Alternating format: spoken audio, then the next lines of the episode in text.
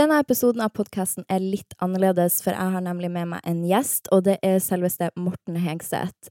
Grunnen til at han er her i dag istedenfor Fetisha, er rett og slett fordi at jeg er bortreist, og vi ville spille inn en litt annen type episode og glede dere med.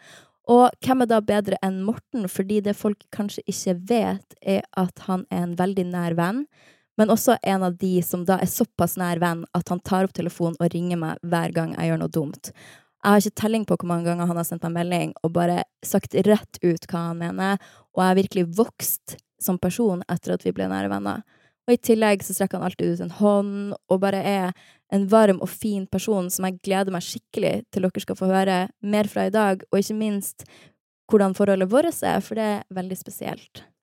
Ok, Morten, hallo. Hei, så stas å få være her. Ja, Veldig hyggelig at du er her. Jeg blir nesten, selv om jeg kjenner deg litt starstruck, for det er jo podkast-guden. Ja, men takk det samme. Det er veldig Nei. gøy å komme inn i uh, Jeg må bare si at Vrang sine podkastlokaler Dere er jo veldig sånn Det er rustikt her, uten å si at det ikke er uh, Det er jo sikkert pent på sitt vis, men å se Sofie Elise i Vrang sine litt gusjegrønne lokaler med treting, det er som å se en diamant blant tang og tare. Hvordan ser det ut på VG-huset, da? Uh, nei, vi har, altså, vi har altså, Deres podkastrom er penere, men jeg føler liksom som hele greia Dette er jo litt sånn Hele bygget her er litt sånn Ok, nå er jeg litt sånn fordomsfull, men det er jo sånn stort, skummelt Oslo-bygg midt i liksom rett ved togskinna mellom liksom gamlebyen og Grønland. Og inni her det det er et eller annet med det, Jeg tror Vrang har godt av å ha litt Sofie Elise og Fetisha inni her. Det syns jeg også. Ikke Absolutt. bare angst og Angst og angst og angst. Det er mye angst her i gården også, altså. Ja, jeg, jeg, jeg har stund angst, så det Jeg tenkte mer på angst på det. Jeg ser merch for noia over hele greia. Men jeg lurer på, når jeg først møtte deg, så var jeg 19, tror jeg. Vi gjorde 70 spørsmål eller noe sånt. Vi møttes før. Jeg tror du møttes når du var eh, gjest på ettermiddagen.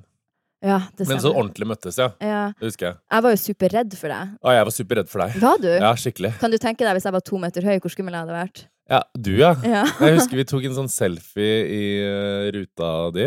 Ja. Uh, har du flytta fra den leiligheta nå?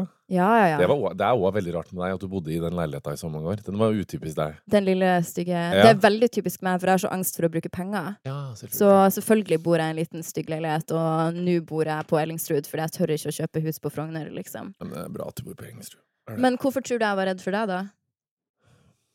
Det der har jeg så veldig sånn rart Sikkert for at jeg var litt sånn Litt sånn Litt sånn skummel kjendisjournalist. Nei, det var ikke det. Det var det at du var så sykt direkte. Ja. Eh, og ikke bare med mikrofonen i handa, men også av. Så sa du alt det du tenkte på, var mitt inntrykk, da. ja, men det gjør jeg jo. Ja, men det var uvant for meg å møte folk i bransjen som gjorde det. For vanligvis er ikke folk sånn. Man er så opptatt av hvis man skal møte meg eller intervjue meg, at man ikke skal tråkke meg på tærne på et vis. Ja. Og jeg elsker når folk gjør det, for det gir meg bedre sånn Det gir bedre samtaler, det gjør at jeg blir kulere. Ja. Ja, og det er jo Jeg tenker sånn, For din del er det sikkert litt fordeler, men det finnes jo et tusenvis av mennesker som slikker deg i ræva og prøver å liksom Mm. behandle deg litt annerledes, og noen som er litt direkte, var sikkert bra. Men det er litt sånn utfordring jeg har òg, for det kan være litt sånn vanskelig i jobb. Når jeg jobber sammen med folk, så er det sånn jeg gir liksom konkrete beskjeder, Altså tenk, det kan oppfattes som litt sånn strengt. Uten, Mm. Ja. og jeg burde liksom, Noen ganger så burde jeg ha pakka inn litt bedre. For eksempel så var jeg ute i helga, Uh, og da var det uh, en, med Vegard, for vi avslutta turné. Kan jeg Eh, bare spørre et sidespørsmål her? Er Ja. du og venn, Vegard venner sånn utenom? På? Nei. Nei, for det hadde kanskje ikke gått. Nei, det hadde ikke gått. Og vi funker veldig mye bedre. Jeg er veldig glad i Vegard. Vi har vært på turné nå, jeg, men vi er litt sånn alders... Men vi er ganske ulike. Ja, vi er jo òg samme aldersforskjell, da. Men ja, vi, men jeg og Vegard er mer ulike enn jeg og du, tror jeg. Mm. Og vi funker, eh, vi funker ekstremt bra sånn på jobb. eh, Og, men jeg, vi er venner, men jeg bare ikke sånn Vi henger ikke privat, og det tror jeg egentlig er bra. Ja, men hva skjedde når du var ute i helga, da? Nei, bare Apropos direkte, det var en dame som kom Da var det veldig sånn Du veit jo det sjøl når du er ute på byen. Eh, Men da var vi på Heidis i Stavanger. Du ber om det, da? Ja. Det var sjefen som insisterte på det. Mm. Uh, og da var det sånn Det var som om å være Justin Bieber, og jeg syns jo det er litt gøy. Men så var det en dame som tvang seg inn på bordet vårt og begynte å filme samtalene våre med blits. Ja. Da tok jeg mobilen hennes og knuste den og sa 'kom deg. Seriøst? Nei, gjorde du det? Jeg ble så jævlig forbanna, for jeg hadde fått beskjed hundre ganger om å ikke liksom Kom Ok. deg litt vekk. Og så sto hun sånn der, og så tok jeg liksom telefonen sånn, og så smelte jeg den i bordet. og Så sa jeg 'Nå kommer du deg vekk!' Men ok, hva gjorde hun da? Jeg eh, 'Unnskyld.' Og så ble hun stående, så sa jeg 'Kom deg vekk'! Eh, unnskyld, var det det hun sa? Ja. Ble hun ikke sur? Nei, nei, det var hun som sto og filma. Ok, det er fordelen med å være kjendis, at du kan knuse noen sin telefon Jeg- jeg- uten Jeg, jeg, jeg, tror ikke, jeg, vet, ikke- jeg vet ikke om jeg knuste den. Jeg bare var litt sånn hissig på avtrekkeren. Apropos direkte. Eh, Det der kunne aldri jeg gjort. Du vet at Hvis jeg hadde gjort det der, så hadde jeg vært tidenes fitte og blitt hengt ut overalt. Hvis det hadde vært meg, så hadde ja, men grunnen til at jeg gjorde det, var ikke sånn Jeg følte ikke så mye at hun filma liksom meg, men jeg følte at hun liksom filma Vegard. eh, Mm. Som jo sikkert er litt samme som å være med deg på byen. Og da blir jeg litt sånn manager. Mm. Jeg vil liksom ta Eller litt sjalu for at det ikke er det. Nei, ikke sjalu. Mm. Jeg kan bli sjalu noen gang, men ikke på sånne ting. Da går jeg sånn rett i managerrolle. Mm. Min store drøm er jo å bli manager for deg og Vegard og eh, andre folk, for jeg Mm. elsker jo sånne ting. Ja, har du tenkt noe på at det Ja, det er det jeg vil. Ja, det er det du Ja, ja, ja. Når tenker du at det blir å skje? Må du slutte med pod og alt det der, da? Nei, ja, for jeg føler sånn Jeg, jeg hater jo sånn managere som bare vil skinne sjøl. Mm. Det er den verste typen det, manager. det er de dårligste managerne. Og det fins jo så jævlig mange av de. Jo, men jeg føler det finnes sånn to-tre i Norge som Ja. er sånn. Ja, det gjør det. Ja. Og de tør vi ikke nevne noen navnet på, Nei, for da får vi eh, dødsbrev i posten. ja, ja, ja, selvfølgelig. Fordi de er gærne. Men jeg synes at når jeg fikk management, så husker jeg at det var deilig, men den ene tingen jeg ikke likte, var når de skulle gå med meg på rød løper, som jeg ikke kunne, sånn at jeg ikke kunne prate sjøl, hvis du skjønner. Ja, det, det hadde jeg ikke takla. Nei, for da blir jeg litt sånn Jeg føler meg at folk tenker at jeg er dum eller Ja. bortskjemt eller noe, hvis noen skal stå og blokke mellom meg og journalistene. Men Ja. i enkelte tilfeller så har jeg trengt det. Da har jeg trengt at noen skulle stått der og vært sånn Ikke prat, Lo. Men jeg har jo vært på tur med deg. Du er jo jævla selvgående eh, på Ja. dine egne greier. Men jeg kunne tenkt å vært manager. Da tenker jeg meg sånn, se for meg planlegge ting og booke ting og liksom sitte og nøste opp i hva skal Sofie Elise gjøre om fem år. Men jeg spør jo deg om de tingene, og det er jo en grunn til det. Det er en Ja. grunn til at du er den jeg sender melding til og er sånn Hva burde jeg egentlig gjøre i 2019? Når jeg skulle ha nakenshoot, så sa jeg jo jeg til deg Er det noen ting jeg burde gjøre? Og så, var, og så fjerna jeg jo silikon etterpå. Da var du sånn Ja, det høres lurt ut. Mm. og det var jo lurt. Men det tenkte jeg på, for da bygger du liksom litt sånn Du må bare Og så får du masse goodwill etterpå. Nå blir det høres ut som Isabella Løvengrip, men det er jo sånn man må bygge opp og så rive litt ned, og bygge opp og rive ned seg sjøl, da. Jeg tror for å overleve i den bransjen her, eller for å holde seg relevant i lang tid, så må man liksom være litt strategisk på det. Og du er jo Jeg vil jo si at du er det nærmeste man kommer Isabella Løvengrip i Norge i dag. Jeg er blitt spurt om å gjøre sånn på ikke Oslo Business Forum, for det var nettopp, men det er en annen ting, Nordic Business Forum eller noe sånt, om jeg kunne stå på scenen med Isabella Løvengrip da. Jeg tror du hadde grusa Jeg hørte at hun hadde vært på Oslo Business Forum, og det hadde visst vært helt krise. Det, ja, men hun tar med seg sin samme person hele tida, assistenten hennes, Ja, ja. som intervjuer og stiller de samme spørsmålene. Så det tror jeg ikke er helt optimalt. Men hun hadde visst sagt på det Oslo Business Forum det hadde, Jeg bare leste bare noen som sa det, at de andre bedriftene hadde snakket masse om liksom, hvordan de skulle bygge en sånn sustainable bedrift, hva de gjør for miljøet, liksom, hvordan de Mm. tenker framtidsstrategisk. Men hun bare drev og snakka om at hun eh, jobba ut ifra selfies, og at hun lagde hårbrand fordi at det kunne ta ut fra selfies, og drømmen hennes var å ha egen kokk og eget hus. og Mm. Og jeg tror jo, men jeg, snakket, jeg, jeg, driver jo og spør- jeg er veldig nysgjerrig på Isabella Løvengrip, for jeg tror hun lever så jævlig over evne. Det tror jeg også. Fordi at hun har ikke så mye penger. Jeg sjekka til Metalla fra alle bedriftene hennes. Sånn. Hun lever jo som om hun er rikere enn Petter Stordalen. Men hun er jo en, den største svenske influenseren, tror jeg, er jo egentlig den. Er Bianco Ingrosso, kanskje Jeg større. tror, Bianca, jeg tror det finnes liksom Jeg tror det er veldig mye sånn Kensa og sånne ting er veldig mye sånn større, men jeg tror hun jeg tror mange følger Isabella Løvengrip på grunn av The train wreck, på en måte. Ja, litt sånn ja, Ikke sant? Det er mange som venter på at luftslottet skal sprekke, da. Ja. Jeg var i et møte i dag der man snakka litt om ok, hvordan kan vi få Sofie Elise til å virke mer sånn som den businesswoman hun faktisk er utad. Mm. Og da var jeg sånn, det klarer jeg faktisk ikke å få til. Jeg klarer ikke å få noen til å filme meg, og, sånn, og det her er det spennende jeg gjør for, som på Isabella Løvengrip-måte, da. Ja, men jeg tror du hadde klart det, men du er for Det som er med deg, er at du er så innmari provokatør. Så jeg merker Ja. jo på deg når, du, når det blir for mye politisk korrekt, og når du hadde liksom Da plutselig så står du der i tangatrusa og spiser kebab foran eh, Ja, greia, ja, fordi at du orker ikke den der eh, at folk skal fortelle deg at du ikke skal gjøre ting. Jeg orker, jeg klarer ikke. Og Jeg veit at du har sånn evig opposisjonstrang i deg. det er det som der- gir meg et kick, da. Ja, samme her. Ja, når kommer det tanga-bildet av deg på Insta? Ja, det kommer snart. Jeg driver opp. Men jeg har jo på en måte Jeg har ikke den kroppen, jeg har ikke den alderen, men jeg ser noen ganger så ser jeg på deg, for det er sånn Det Det er veldig, jeg liker det veldig godt, for det er jo den debatten som det var i. og sånne ting, og der, synes, Men jeg syns du klarte deg veldig bra i. Og da etterpå så tenker jeg sånn Mange hadde ligget liksom lavt i terrenget etter det. Mm. Men det tok jo søren ikke mange dagene før du stilte i nattkjole med pupper og spiste kebab. For, og da tenkte jeg sånn Jeg syns det er litt gøy.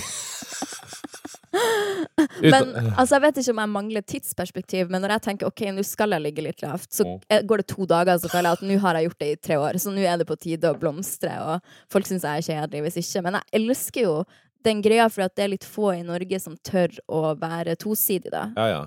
Og eh, jeg tror alle er det, og det er fint å kunne vise det litt, Jeg, da. tror- jeg syns tosidighet på mange måter er jævla viktig, for jeg tror sånn Blir det for ensforma, så mister man litt sånn troverdighet på et eller annet vis. Du er jo veldig tosidig. Ja, men nå er nå er jeg liksom litt sånn Jeg har litt sånn litt sånn krise Jeg burde ha vært mer av det. Nå har det vært veldig mye liksom jeg skulle, jeg, nå jeg, slitt, jeg har litt sånn identitetskrise om dagen. Jeg skulle gjerne ha gjort Mm. litt mer Jeg blir sånn feig, på en måte. Samme, og det er den verste følelsen når man ikke tør å Man må jo være litt politisk korrekt også, oppi alt. Ja, men jeg syns jo du jeg, bare, jeg blir sånn, for eksempel Jeg ble jo sånn Skulle gjerne ha turt litt mer. Jeg merker at jo mer kjent jeg blir, jo feigere blir jeg. Samme her. Uh, Det jeg, sa jeg i det møtet tidligere i dag, at det er vanskelig for meg når jeg var 18-19 og jeg ikke hadde noe annet som skjedde, så Ja, ja. hadde jeg jo tid til å sitte hjemme og spekulere og lage de bra sakene, og nå har jeg plutselig så mange jeg skal ta ansvar for. Jeg må ta ansvar overfor TV 2, jeg må ta ansvar overfor pod, jeg må ta ansvar overfor annonsører, og da blir man redd. Ja, og egen syk Jeg orker ikke å gå og være redd. Og det, den bransjen her er så mye sånn Vi skal ta deg, vi skal ta deg. Altså, jeg blir så, men jeg, jeg tar liksom mål for 2019 å bli litt tøffere og få litt mindre liksom sånn noia. Jeg bare kjenner sånn det Året her har vært helt sinnssykt gøy. Det har vært liksom helt sjukt mye jobb. Det har vært et bra år så langt. Veldig. Men jeg har liksom ikke vært litt platt, på en måte. Jeg skulle gjerne ha gjort noe litt sånn Jeg kjenner at jeg gjerne skulle gjort noe sånn meningsfullt og gøy snart. Hva det skulle vært. Eller for å si det på en annen måte, er det noen saker som ikke er på dagsordenen som du skulle ønske var det? Ja, men greia, i motsetning til deg, så eh, klarer jeg ikke å engasjere meg i miljøet. Nei, men det går bra. Det kan være noe annet du engasjerer deg i. men jeg, jeg er ordentlig redd for planeten og sånn, men jeg klarer ikke å føle noe sånn brennende engasjement for plast og kjøtt og Er det ego, tror du?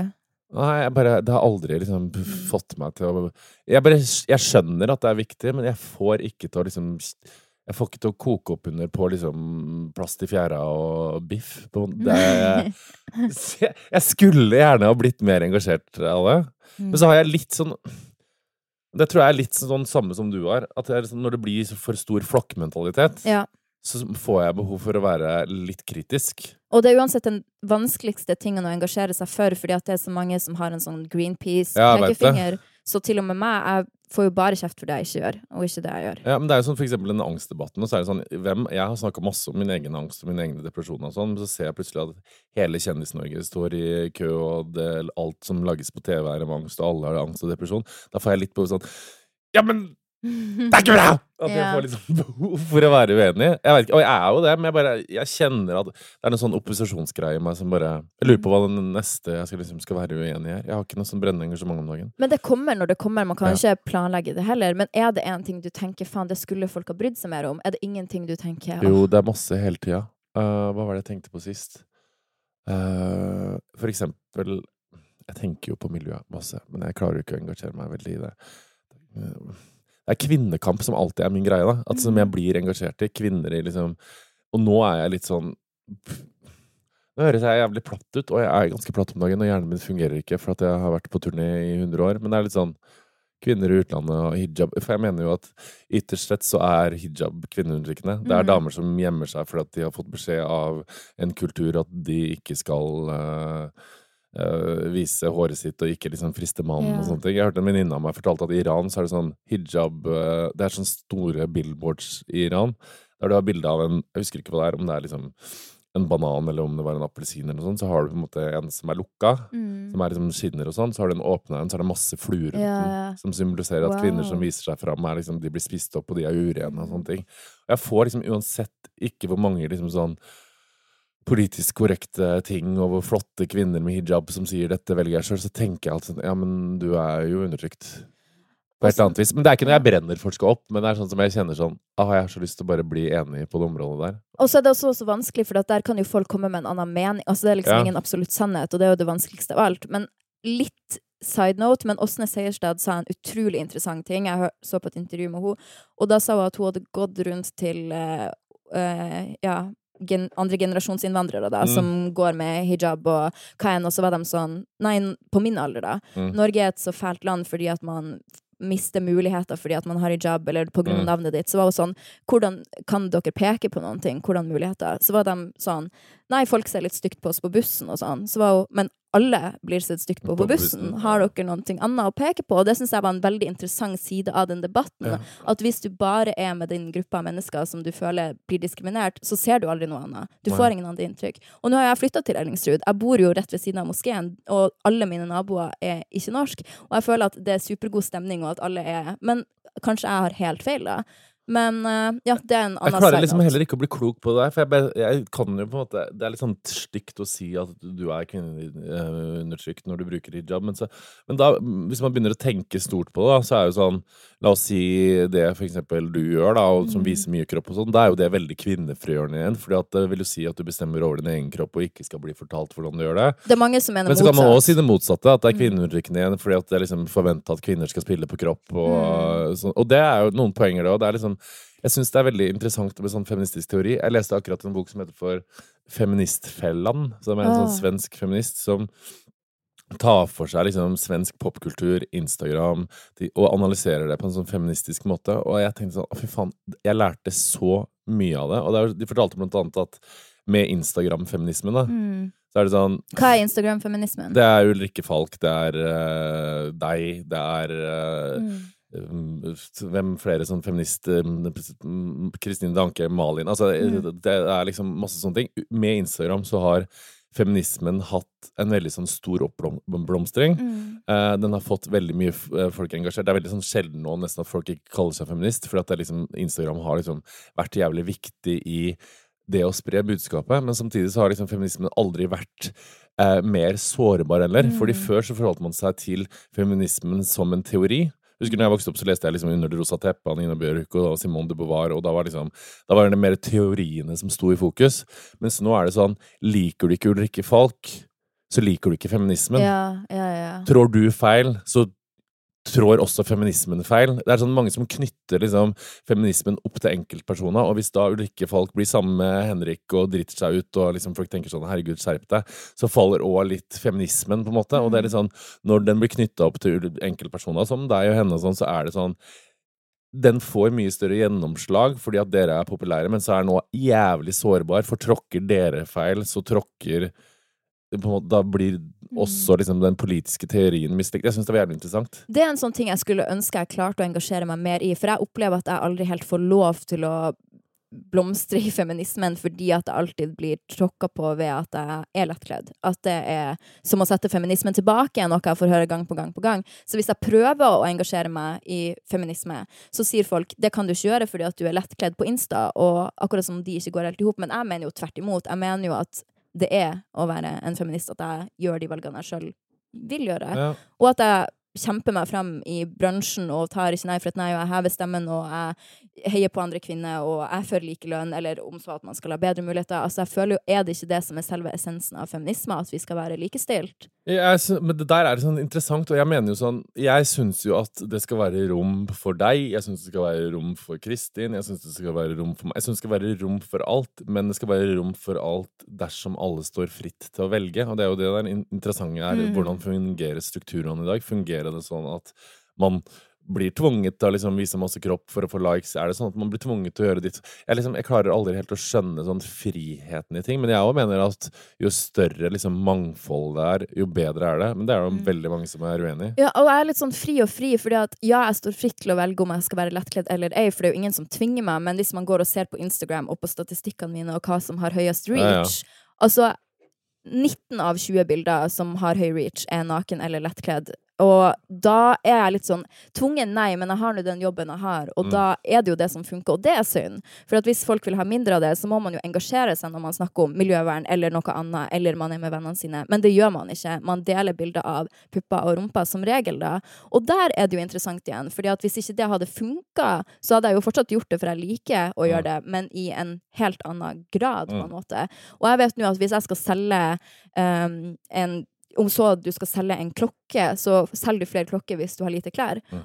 Da må folk, hvis man vil ha annerledes, så må man jo også kjøpe. Jeg tror man må lære opp folket litt. Jeg tror liksom, Hvis liksom alle sammen skal føle Jeg tenker jo sånn, Hvis Mm. magasincovere da hadde se på salgsraten sin Det interessante nå er jo sånn KK, for eksempel, med Ingeborg eh, Mm. Helldal, som har kjørt litt sånn samisk Mm. kvinne på coveret. Hun har kjørt liksom litt alternative ting, og de er jo opplagsvinner i Norge i dag i forhold til liksom salg av magasinet. Men de gjør det på en ekte måte, Ja. føler jeg, for der er det ikke bare OK, du er tynn eller større. Der er du samisk, eller du er Ja. Altså, det er hele spekteret, og det er det veldig få som gjør. Jeg tror man liksom Jeg tror jo sånn, Jeg ser for meg sjøl hvis jeg hadde vært liksom redaktør for et nettsted, så hadde, tror jeg at jeg hadde vært jeg tror, jeg tror jeg hadde vært bevisst på å bruke alt, på en måte. Jeg tror ikke jeg bare kunne Mm. brukt det som hadde solgt, fordi ja, det kapitalis- kapitaliserer bare liksom cash, men det gjør det også litt sånn uinteressant. Jeg ser jo på Mm. liksom, Jeg var på Ex on the Beach på en sånn uh, intervjugreie i januar. Og der var det liksom Alle var fra Trøndelag og Bergen. Mm. Absolutt hadde Alle hadde Restylane og fillers. Ja, jeg så den saken, ja.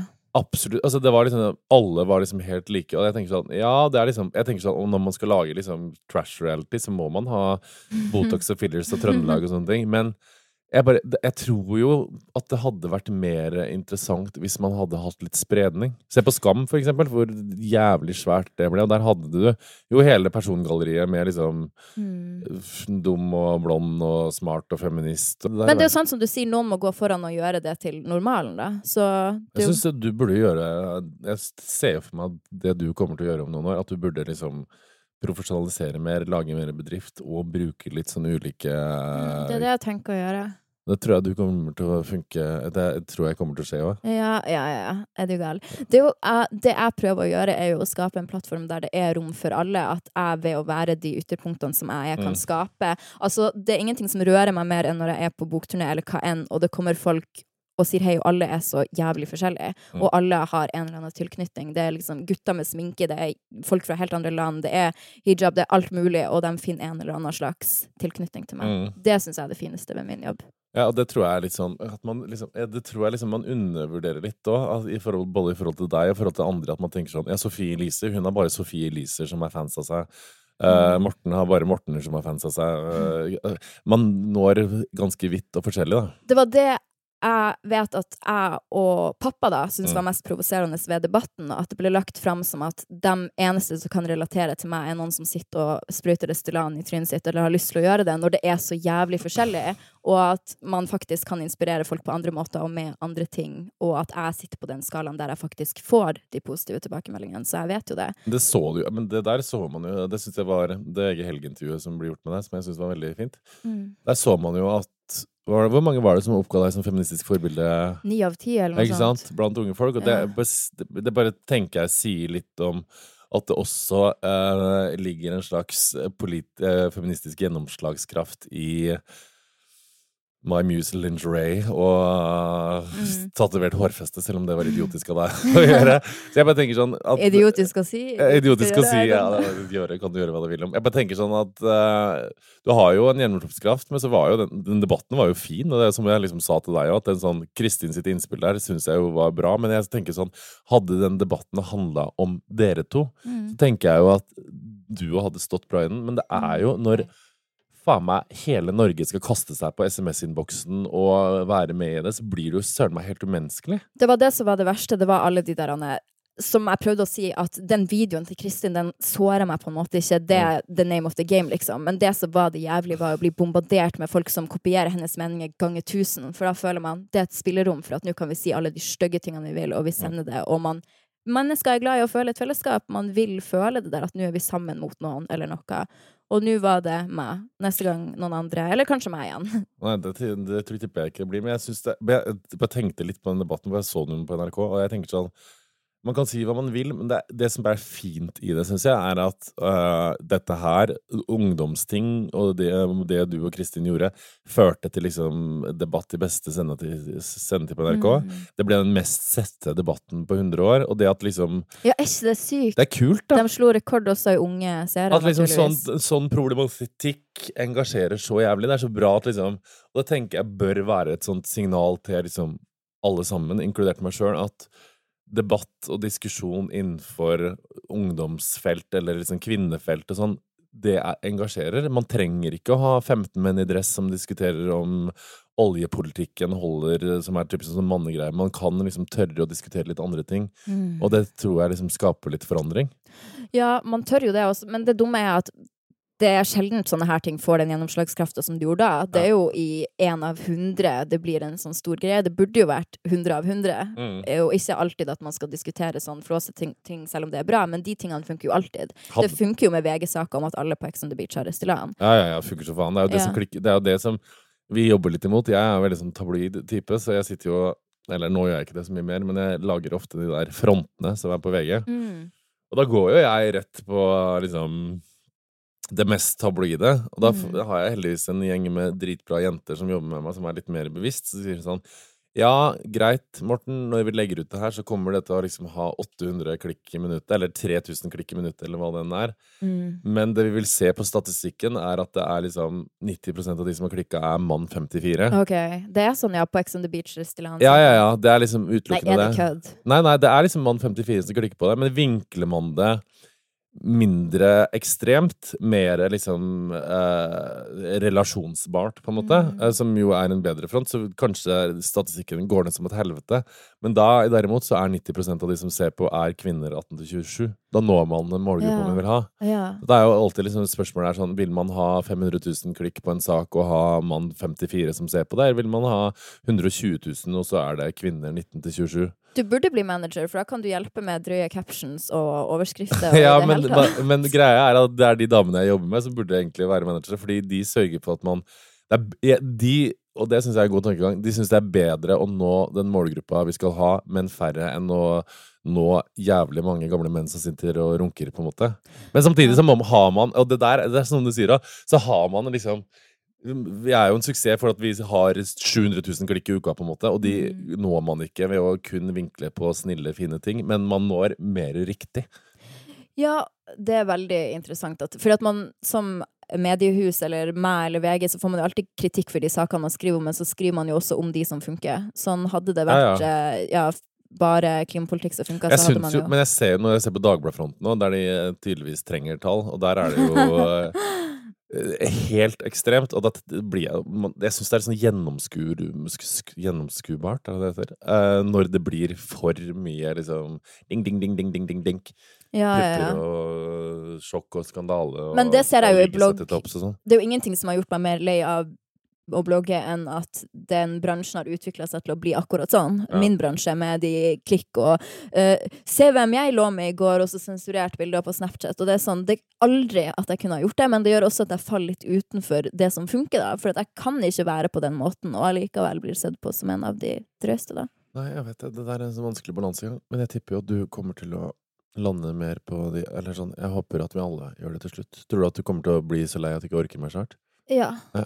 det tror jeg. Ikke av alt, men av noen av tingene, ja. Ja. Men uh, det kommer til å skje absolutt, at jeg må strukturere litt om på de tingene jeg driver på med, da. Uh, Mm. For at alle tingene skal kunne leve i beste velgående. For jeg hater når jeg føler at alt er litt sånn 50% At du Ja. gjør 100 ting, men du gjør alt 50 Amen. Så det var noen ting jeg skulle spørre deg om, faktisk. For at du bor jo delvis i Trondheim, eller egentlig helt i Trondheim. Ja, jeg har en leilighet her, altså jeg flyr jo opp og ned. Ja, og hvordan klarer du det? Pod, live, panelet, alle andre TV-ting du gjør, eh, kommersielle samarbeid, eh, foredrag, konferansiere. Altså, hvordan klarer du uten å bli sprø?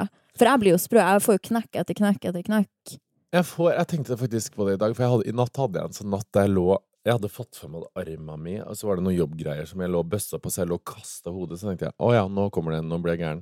Slag, liksom. Nei, jeg bare tenkte sånn, nå klikker det for meg, for nå har jeg for mye å gjøre. Og det er jo sånn Sorry, men jeg kjenner meg så ja. Ja, og nå har, nå har jo jeg og Vegard vært på turné, og det har vært helt fantastisk. Men nå har vi hatt liksom Hvor mange er det? Jeg tror det er 25 eventjobber de siste fire helgene. Oi, Eh, dæven, da Det er penger, altså. Ja, det er penger. Absolutt.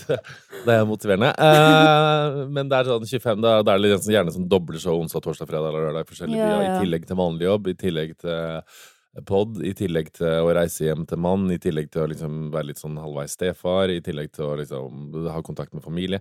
Det jeg prioriterer, det jeg ikke Det jeg stryker i full test på, er vennskap, da. Jeg Jeg har bare telefonkontakt med noen og går alltid med dårlig samvittighet på det. Blir vennene dine sur på deg for det? Noen blir det, ja. Ja, samme her. Um, men jeg må jeg, på en måte, jeg bare jeg har innsett at jeg får det ikke til, så jeg må så hater jeg å si sånn Jeg har så mye å gjøre, for det høres ut som jeg tror jeg er så viktig. Og så, er jeg bare, så er jeg så konfliktsky, så da bare fortrenger jeg det. Så det blir bare en sånn ond spiral. Jeg sier bare at jeg har faktisk for mye. Jeg kan ikke prioritere vennskap sånn som jeg har pleid å gjøre akkurat Jeg husker du sa det til meg når vi var i Bodø, og så husker jeg sa sånn Ja, for det var rett sånn når vi hadde en nyttårsforsett, så jeg skulle bli en bedre venn. Så sånn, skal det? Jeg skal fokusere på karriere. Og så ble jeg litt sånn You speak the truth. jeg veit at det er riktig. Men det er jo det du gjør også. Ja, det er det jeg gjør. Uh, selv om det ikke er nødvendig. Men jeg er innmari sånn dårlig på vennskapsfronten, og så er jeg litt uh, Men det går bra, men jeg får litt sånn apropos ah, Jeg møtte en venninne som på uh, trikken her om dagen, så sa Det var rett før liksom hardekjøret virkelig starta. Da er det sånn Ja, hvordan går det med deg? Jo, bra. Og så Ja, ser du har mye å gjøre? Ja, herregud, det er mye å gjøre. Gøy. Sånn. Når folk sier 'Å, ser du har mye å gjøre', så har jeg lyst til å slå deg. Ja, sånn, I ja, du må passe på deg sjøl. Nei, den er verre. Da har jeg i hvert fall lyst til å slå. bare uh, ja, ja, ja, for jeg kjenner utrolig mange som har holdt på sånn som deg. De tuter rundt og hopper om på sier det går bra, så bom, så møter de veggen. Mm. Da, jeg, da, da får jeg helt sånn uh, uh, Ikke. Eh, og jeg, sånne ting kan jeg tenke på meg. Det er derfor jeg ikke klarer å eksponeres masse for sånn angstprat òg, for da tenker jeg på meg et angstanfall. Jeg må bare liksom pushe det unna. Men ok, er det det som er strategien din? Du pusher det unna, og så Nei, men det går Vet du hva? Det går Jeg, jeg veit ikke. Jeg har sagt det før. Jeg føler at jeg fikk et ekstra gir etter Skal vi danse. Du gjorde det? Ja. Mm, hvorfor? Jeg veit ikke, fordi da gjorde vi jævlig mye, og jeg har, ikke, jeg har ikke vært så sliten etter det. Og jeg har altså kombinert Det er ikke liksom Jeg har gjort så mye. Det er liksom Mm. konferansierjobba, eventa, vanlig jobb, podkast, TV, andre TV-program, dink, dink, opp og ned, flyr fire, fem, seks dager i uka. Mm. Så det går Jeg veit ikke om liksom Jeg vet ikke om det løsna noe i meg, men jeg har hvis jeg, hvis jeg hadde blitt spurt på et jobbintervju da, om sånn, si en ting om det sjøl, så hadde jeg sagt at jeg har ganske stor kapasitet. Ja. Og så prøver jeg å trene fem dager i uka, for jeg er veldig opptatt av å ikke eh, Jeg har angst for uh, å ikke føle meg bra. Egentlig det er mer sånn psykisk, så jeg må trene sånn fire-fem ganger i uka i Kom det tillegg. etter Skal vi danse, for det gjorde det for meg. Jeg trente ikke så mye før det som det jeg gjør nå. Nå trener jeg også fem ganger i uka minimum. Ja, ja, og så går vi jo til samme PT, og han er Ja. så jævlig streng. Um, I hvert fall vært blitt det med meg. Um, Han er streng med meg også, men jeg er streng med han tilbake. Så jeg må være det, ja. Ja, ja, ja. Men han sier jævlig Han er, han er direkte, så han kan si til meg sånn Der blir jo ikke stille han i et godt lys i det hele tatt, men eh, jeg var sånn Jeg skjønner ikke hvorfor jeg ikke får magemuskler, og jeg som trener så mye mage, så, mage, så sa han Du har mer underhudsfett enn du tror. Så jeg da, OK. han til meg også. Han fikk meg til å gå og kjøpe en eh, Jeg elsker han. han er, grunnen til at jeg går til han, er for at han er den beste PT-en, og jeg har prøvd veldig mange PT-er. Han er og- den beste i Norge. Han er den beste i Norge, uten tvil, men han er sånn Ja, hvor mange gram ris spiste du til den kyllingen? Jeg bare Nei, jeg spiste nå litt ris, da. Veit du ikke hvor mange gram?! Jeg bare Nei. Nei. Så du gir faen, da! Jeg tror han har gitt opp å få meg til å prøve å bry meg om mat, iallfall. Men det jeg mener i hvert fall, er jeg mener, For min del så er det viktig å trene masse og spise sunt og spise masse, men jeg orker ikke å gå og telle kalorier, fordi eh, det mener jeg absolutt ingen skal gjøre. Fordi at det viktigste er å være sunn og frisk og ha det bra. Men jeg har altså funnet noen spørsmål til deg som jeg ikke har spurt deg om ever før, men som Kult. jeg veldig lurer på. Så da tar vi en liten uh, runde. Mm. Eh, nevn tre ting vi har til felles, utenom Mm. sånn overfladiske karriereting. Um, opposisjonstrang. Yes. Mm, Eger skinklinikk. Og det er ikke en overflad... OK, da har vi ikke så mye okay. Eh, jo da, opposisjonstrang eh, Jeg tror et grunnleggende behov for å ikke være fake. Ja. Mm. Sånn, fe, altså, nå sier ikke fake eh, i- At man ikke skal være så falsk. Jeg tror sånn at man liksom Jeg tror vi får liksom Begge to får litt sånn angst av å eh, late som vi er noen vi ikke er. Absolutt. Men jeg føler at det er mer ulikhetene i oss som balanserer oss på en bra mm. måte. For jeg har jo ingen konsekvenstankegang der du har ganske mye av det tilsynelatende. Eller du tenker mer over sånn Jeg gjør jo egentlig ikke det. I alle fall overfor meg. Som hvis jeg spør deg om skal jeg gjøre det eller det, så tenker Ja, du på ekte på overfor andre så har jeg litt sånn tankegang om det. Det har ikke jeg med andre. Jeg ikke spør meg om råd. Jeg gir de dårligste rådene, for jeg tar med en gang på magefølelsen. da. Så tror jeg vi begge òg er litt sånn øh, Hva skal jeg si for noe? Jeg tror vi begge er litt sånn øh, Jeg tror at En ting jeg kan si, er at jeg tror vi begge er glad i ikke et A4-liv, men A4-ramme. At man Ja, liker å ha det huset og stillheten og kjæresten og jeg, Fordi jeg tror Jeg er jo akkurat det samme, jeg må ha de greiene der. Men hvis jeg liksom sånn i utgangspunktet i 90% av livet mitt, så tror jeg Da må jeg liksom stå opp om morgenen, komme meg på jobb, trene, se film og sove. Jeg må på en måte ha eller sånn, Jeg vil veldig gjerne ha en sånn trygg ramme på ting. Og så kan jeg liksom Mm. Hvis jeg har en trygghet i meg, Mm. så kan jeg liksom gjøre masse annet. Men Ja, hvis samme. jeg ikke har noe trygghet i meg, hvis jeg kjenner at jeg er angstete, Mm. da kan alt ramle på et eller annet vis. Jeg kunne aldri vært sånn nomade, du vet, sånn som drar fra sted til sted. Og jeg kunne aldri ha backpacka, for eksempel. For at det er så fjernt fra min virkelighet. Ja, sånn. og derfor, Jeg har jo gitt deg noen råd på når du har holdt på å gjøre sånne ting. Og sa til deg det må du for faen ikke finne på, for da kommer du tilbake og tror du heter Ruth Randi og jeg er blitt psykotisk. Ja, men jeg har jo faktisk holdt på å gjøre sånne ting. ja, jeg altså. veit det. Ja, ja, men da har jeg jo hørt på deg når du har vært sånn. Ja, for du holdt på, kan vi si det du holdt på å gjøre? Ja, At du holdt på å gå i kloster? ja. Ja, det er søren meg bra at du ikke gjorde. Det sa jeg til alle. Jeg sa det til og med til Elise, som er produsent som sitter og nikker nå. Sånn, jeg sa det til alle. Så Jeg bare Nei, det skal du ikke. Jo, jeg skal være der i fire måneder. Jeg bare, mm, mm, mm, da kommer du tilbake og heter Laila Anita og har gått inn i psykose. Det kan du ikke gjøre. jeg skal ikke utelukke at noe sånt aldri blir å skje, for gud vet kanskje, men uh, at Ja, men du trenger ikke å gjøre det så ekstremt.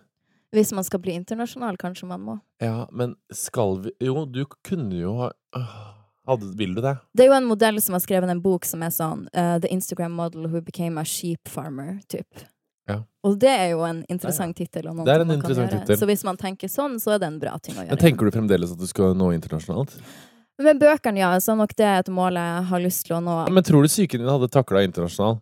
Ja, jeg tror Da det hvis det hadde vært av bøk Ja, men jeg hadde takla å være Kim Kardashian. Det hadde jeg takla helt vet, fint. men det, er- det fascinerer meg med deg, fordi Hadde jeg hatt fint hår, jeg klarer alt. Bare jeg har den stylinga, så ja, men, det- men det fascinerer meg med deg, for når vi var med i Skal vi danse, så var jo uh, Husker du når jeg ble stemt ut og gråt i armene dine for det så trist å ryke ut? Men da trakk du jo du deg uka etterpå. ja. Det var jo, Vi trenger ikke snakke så mye om det, men da var det jo liksom krise. Men du var veldig fort, fort oppe og nikka igjen. Ja, jeg var det. Ja, at det var Jeg tålte ikke at du ikke var med mer i Skal vi danse. Åh, det er veldig hyggelig. Ja, men det var litt det, for at alt Det var jo selvfølgelig var ikke det grunnen, men det Nei, var at tryggheten Jeg hadde liksom ikke ja, Det ble ikke noe gøy. Jo, selvfølgelig var det gøy, men jeg følte bare Spesielt den siste uka. Jeg gikk på så sterke smertestillende, jeg gikk på sovepille. Jeg var jo helt ute.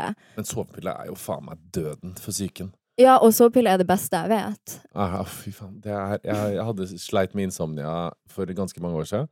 Mm. Før jeg møtte Anders, etter at jeg møtte Anders, så har jeg sovet for alltid. Men da gikk jeg på Og da måtte jeg sånn Det er arvelig. Det er sånn mamma og mormor og alle liksom har Mm. Unnskyld, mamma og mormor.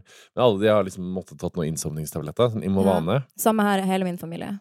Eller alle på mammas Å, side. fytti grisen. Dagen etterpå det kunne kjennes ut som noen hadde grilla huet mitt. Jeg har ikke den lenger, dessverre, fordi at jeg har blitt så vant. Men jeg er jo ekstremt opptatt av å få sove. Så når jeg var på julebord hos deg, så var jeg jo Jeg gikk jo og la meg klokka tolv, og gikk og la meg på gjesterommet når det var full fest, for jeg var sånn Jeg må få sove, hvis ikke så blir jeg gal. Uansett når, liksom. Ja, og det merker jeg når vi våkna dagen etterpå. Hvem var i best form? Meg. Hvem var nevrotisk? Du. Ja, det er sant. Men det er, tenker jeg sånn på en sånn festsovn, det kan jeg Men jeg må sove liksom på hverdag.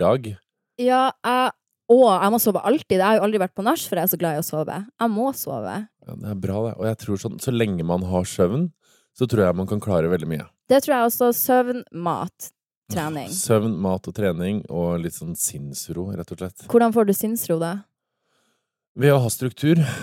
Gjør du noe sånn For jeg har sett at du har gjort mye yoga. Ja, det hjelper. Ja. Veldig bra. Mediterer Eh, du? Nei, jeg har ikke tålmodighet. Det gjør du? Ja, jeg har jo en kjæreste som mediterer to timer om dagen. Han står på hodet og Han mediterer står på hodet og Jeg vet ikke, jeg får litt sånn samme Yogaen gjør meg veldig rolig, og så er det treninga gir meg litt sånn meditasjonseffekt. Ja. Da får jeg, jeg kan, kan storme ganske bra i hodet, og så kan jeg liksom gjøre, trene litt, og så går det bra. Det husker jeg tenkte under debatten. Da var jeg sånn Faen ja, at jeg har begynt å trene. Det er så bra at jeg nå elsker å trene, og jeg kan trene Ja, ja. litt bort frustrasjon.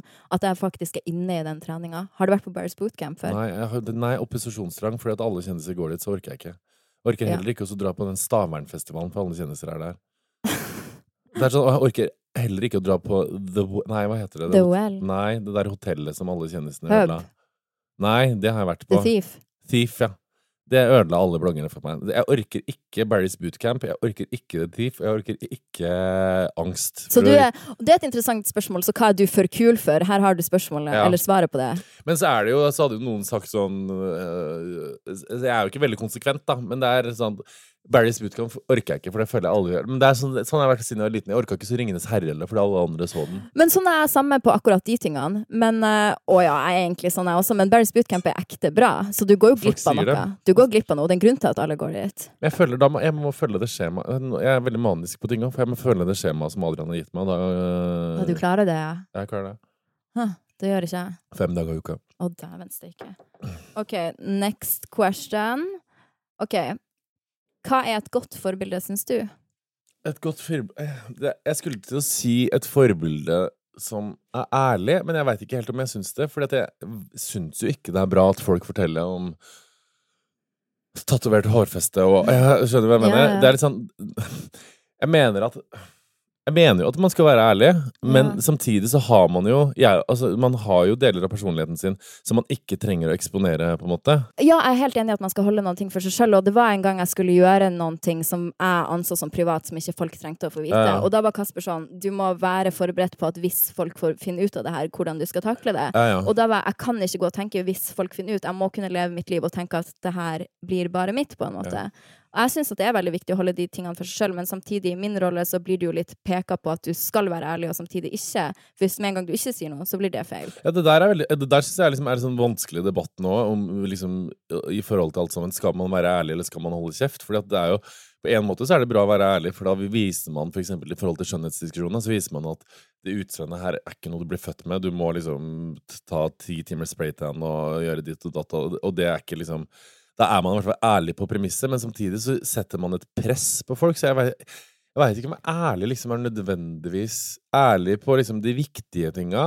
Drite i liksom ting som har med liksom utseende og mat å gjøre. Men kanskje være snill, eller? Jeg veit ikke. At å være snill er et godt forbilde. Ja, kanskje. Er det liksom, har jeg liksom dårlig samvittighet for sjøl. Sånn, jeg har liksom gått alle de kronikkene jeg har gjort, og sånn, det har jeg liksom tenkt litt på over det siste, som har vært veldig personretta. Verken det er Dubai eller babyspons eller ting og dag. Det jeg liksom har tatt med meg litt av det, er sånn neste gang jeg skal liksom kronikere om et fenomen, er at jeg ikke skal gå så hardt på enkeltperson. Føler du deg noen gang hata av hele Norge? Ja, ja. Veldig. Hvordan tar du det, da? Uh, bedre og bedre, men jeg kan bli helt paranoid, ja. Bedre og bedre, men blir feigere og feigere? Ja.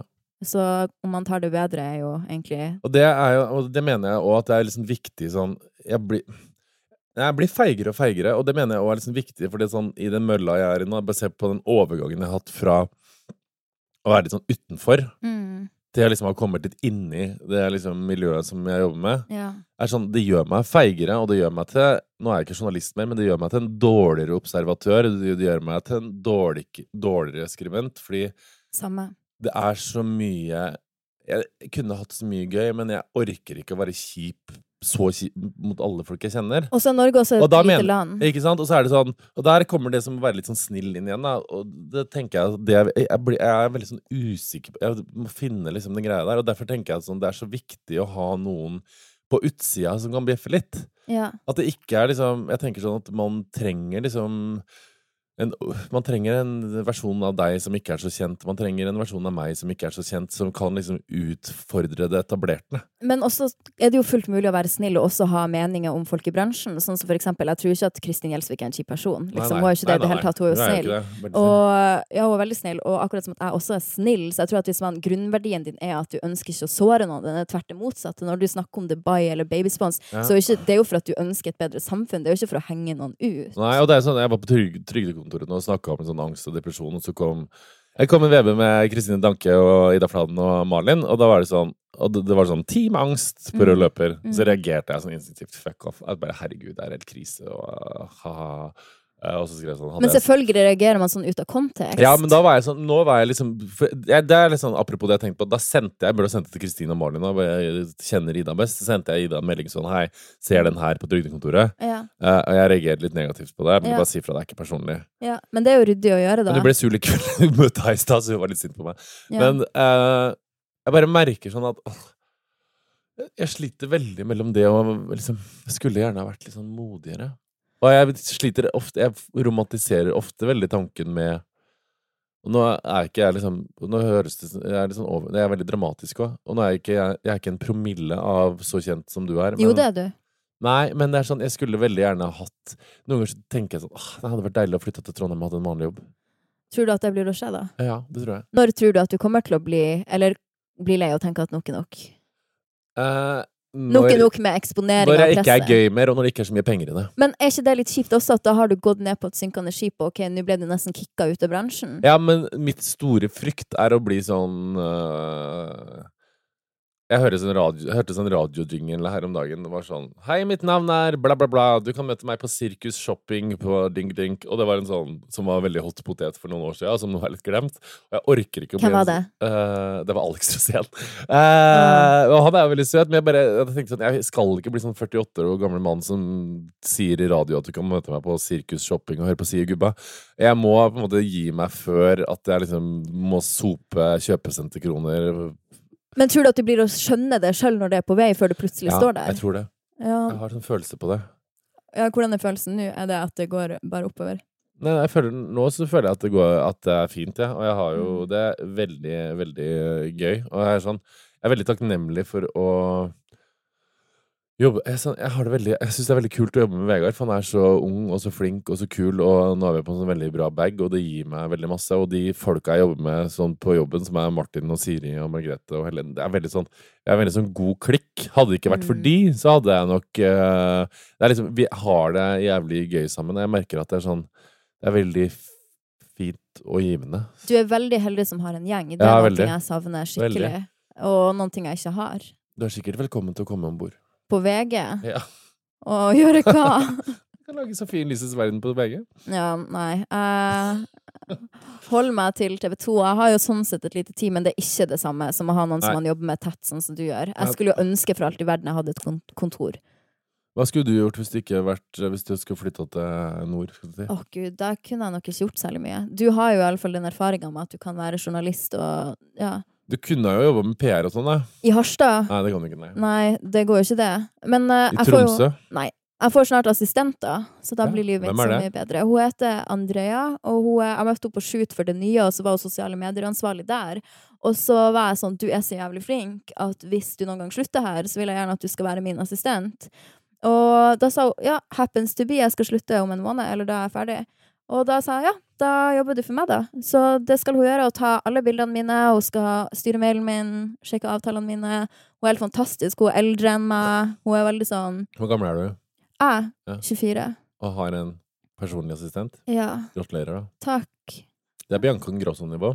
Ja, men jeg burde jo fått det her lenge før, men jeg har bare ikke funnet noen som er den perfekte, da. Og hun tror jeg virkelig, og da kan jeg endelig være kreativ og gjøre det. Lønner du deg bra? Sånn. Ja, jeg gjør faktisk det. Veldig bra. Det, det tror jeg blir bra for deg. Å få en litt sånn bang, bang, bang. bang. Så blir- slipper du å spørre liksom alle rundt deg om å ta bilde og sånn. Åh, for faen, det er jævlig. Jeg tenker alltid på det i bakhodet mitt. Så er jeg sånn, hvordan skal vi klare å ta et bilde etterpå? Fordi at jeg trenger å ha det når vi legger ut i feeden her. Sånn, da hadde det vært deilig å ha noen som bare gjorde det, liksom. Tar du det med kamera eller mobil? Jeg tar alle bildene til Instagram på mobil, og alle til blogg på kamera, og så filmer jeg med et tredje kamera, så gjør det jo jævlig vanskelig for meg sjøl. Ja, det er såpass, ja. Ja, så alt må være nytt innhold på alle plassene. Jeg hørte noen som skrøt veldig av kameraet ditt her om dagen. At det var så kult. Er det word on the town at det er et kult kamera? Nei, men det var, det, som- det var noen på jobben som sa at du hadde så kult kamera. Jeg har et jævlig kult kamera, jeg Leica Q. Det er liksom Rolls-Royce i kameraverdenen, da.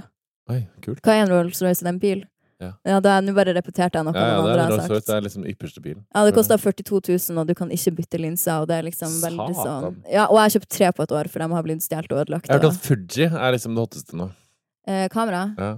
Ja, nei. Jeg vurderer, det er litt sånn flaut, men jeg vurderer å kjøpe meg kamera. For, Hvorfor? for å ta litt sånn fine bilder til Insta. Du har en bra iPhone, har du ikke det? Men jeg jævlig Ja, nei, jeg har stygg kameralinse på den. Du vet at, ja, på frontkamera. Ja. Du vet at jeg skulle kjøpe meg den nyeste iPhone, så var jeg sånn øh, Kanskje ikke den nyeste likevel, for at der blir du stygg på kamera. Så kjøpte jeg samme telefon som jeg har fra før. Men du kjøpte jo iPhone 6. Nei, jeg har iPhone 8. Jeg trodde jeg hadde iPhone 6. Ah, ja, okay. Så nå er jeg tilbake på min gamle telefon, for jeg fikk ikke bytta den. Så nå har jeg to iPhoner som er helt like. Så jeg sendte den til pappa, den nye, og var sånn Du får selge den, jeg klarer ikke. Ikke. Skrotnisse. Fikk han Ja. solgt den, da? Mm, Jeg vet ikke. Kanskje han bare tar den sjøl. Altså, jeg har jo ikke oversikt på akkurat det. Fikk sånn noia for fikk sånn skattemelding i dag, og der man liksom må inn og sjekke og Jeg fikk, jeg, sånn. fikk du smell? Uh, nei, det var et eller annet med forskuddsskatt jeg fikk beskjed om. Jeg fikk beskjed at jeg skyldte 21 000. Jeg. Nå har jeg da eget AS som jeg tar ut lønn fra. Ja, samme her. Uh, men jeg får jo alltid noia, for jeg er jo ingen Det er jo pappa som styrer alt. Hæ?! Ja, alt. Når jeg spurte regnskapsføreren min nå om han kunne ta taxi For nå har jeg eh, hot tips til dere der ute som driver med sånn. Jeg skaffet meg taxikort på Oslo Ja, Taxi, ja. Trøndertaxi. Trøndertaxi. Jeg får ta litt taxi der òg, til og fra flyplass. Så nå får jeg faktura en gang i måneden på alle taxiregninga. Det får eh, regnskapsføreren ta seg av. Og så har jeg også gitt han tel telefonregninga. Ok, men jeg, jeg kjører jo bil, så jeg tar faktisk aldri taxi lenger. Sånn aldri. Men jeg har et eget kort som er firmakortet som jeg bruker til alt, der det står Sofie Elise AS på. Men sparer du på kvitteringa? Ja, jeg gjør det. Men jeg har faktisk skuffende lite utlegg i firmaet, for jeg tør jo ikke å bruke penger. Og hva skulle utleggene mine vært? Det blir jo assistenten jo, da. Klær og sånn, da? Nei, jeg kjøper liksom ikke klær. Jeg... Men du får det, ja. Nei, eller jeg gjør jo samarbeid med Sonelli og alt det der, så det er jo jobb, så jeg har jo klær i jobben min, liksom. Ok, hva er det beste rådet du noensinne har fått? Det beste rådet jeg noensinne har fått, Eller som du kan gi, eventuelt. som jeg kan gi, er uh, Hva er det for noe? Det er så mange, men det er sånn Ikke gi deg. Uh, og så tenker jeg jo sånn, selv om du liksom møter litt sånn hinder på veien, så finn på en måte nye måter å nå målet på. Ikke sånn hvis det stopper deg, så tar du liksom en omvei. Og det er sånn, selv om du går på trynet òg, jeg syns det er litt sånn viktig å gå på trynet Mm. og drite seg ut. Eh, fordi jeg mener at det lærer man masse av, og det er Mm. liksom en erfaring. Og selv om man liksom der og da alt virker svart, så tror jeg at det finnes nye måter å bare komme seg videre på. Og jeg er jo litt sånn, tenker jo sånn masse på den unge generasjonen i dag òg, som er litt sånn alt skal være plettfritt og alt skal være bra. Men tør å ta en sjanse og gjøre litt feil, og hvis du får litt kjeft fra sjefen for den grunn, så har du i hvert fall turt å pushe noen grenser, og så har du lært av det. Så jeg tror det er sånn Vær litt uskikkelig, rett og slett, men ikke for Ja. gæren. Ja, altså, jeg prøver aktivt å tenke på hva blir jeg å se tilbake på når jeg er 80 år, og Mm. da blir jeg jo å angre hvis jeg ikke turte å fløye meg ut. Mm. Jeg, det er det viktigste jeg gjør, er at jeg tar feil og fløyer meg ut, og angre og Jeg er det enig. Samme her. Ja, det er jo det jeg gjør, kronisk. Det er viktig, det er det. Jeg tror vi må være litt flinkere på det, alle sammen. Ja, men tusen takk for at du hadde lyst til å komme hit og Tusen prate takk for at jeg kom. Veldig hyggelig å komme i podkasten her. Det var veldig veldig hyggelig. Ja, jeg håper jeg kan gjeste deres også en Det dag. vil jeg at du skal gjøre. I will. Yay!